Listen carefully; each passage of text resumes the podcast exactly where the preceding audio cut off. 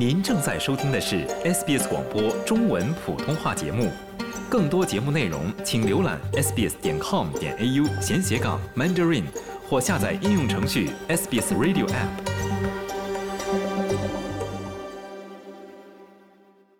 周一午后，日本本州北部地区发生十余次强烈地震，最大震级为七点六级。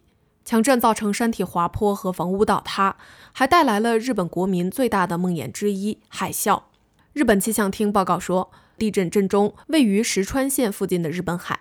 气象厅首先向石川地区发布了大规模海啸警报，并向本州岛西部沿海的其他地区以及本州岛最北部的北海道地区发布了级别较低的海啸警告或提示。新系和富山两个地区也收到了警报。在该地区旅游的台湾游客吴先生分享了他的经历。大概五到十秒钟之前，我正在那里等回酒店的班车，突然我的手机响了。我一看，是有关地震警报的，上面说石川县发生了地震，请小心。突然之间，我也感受到了强烈的地震，电线上的雪都掉了下来，屋顶上的雪也都掉了下来。日本公共广播公司 NTV 电视台最初的警告称。地震引发的洪水可能高达五米。日本当局表示，人们被困在坍塌的建筑物中，轮岛市也爆发了火灾。当局正在努力评估此次地震造成的损失。截至周二下午，强震已造成至少八人死亡。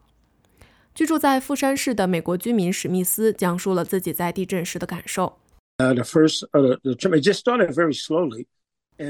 第一次地震开始的很慢，所以没有太多人关注这件事儿。大家都觉得这不可能。你知道的，当时是新年第一天，但是马上我们就感觉到了剧烈的摇晃。我是说非常剧烈的摇晃。不过最严重的海啸恐惧似乎已经过去。强震发生的几小时后，相关机构将海啸警告降低为海啸提示，但这仍意味着海水仍可能高达三米。同时，相关机构警告，未来几天内该地区仍然存在余震风险，特别是在未来两三天内可能会发生类似的地震。沿海地区的居民仍被告知不要返回家中，因为致命的海啸可能随时会袭来。日本首相岸田文雄警告居民保持警惕。首先，我想请所有居民继续密切关注此次强烈地震的进展。如果您所在的地区有可能会发生海啸，请尽快撤离。岸田文雄告诉记者，日本政府已经设立了一个专门应急中心，负责收集有关地震和海啸的信息，并迅速传达给居民，以确保他们的安全。除日本外，朝鲜和俄罗斯部分地区也发布了海啸警报。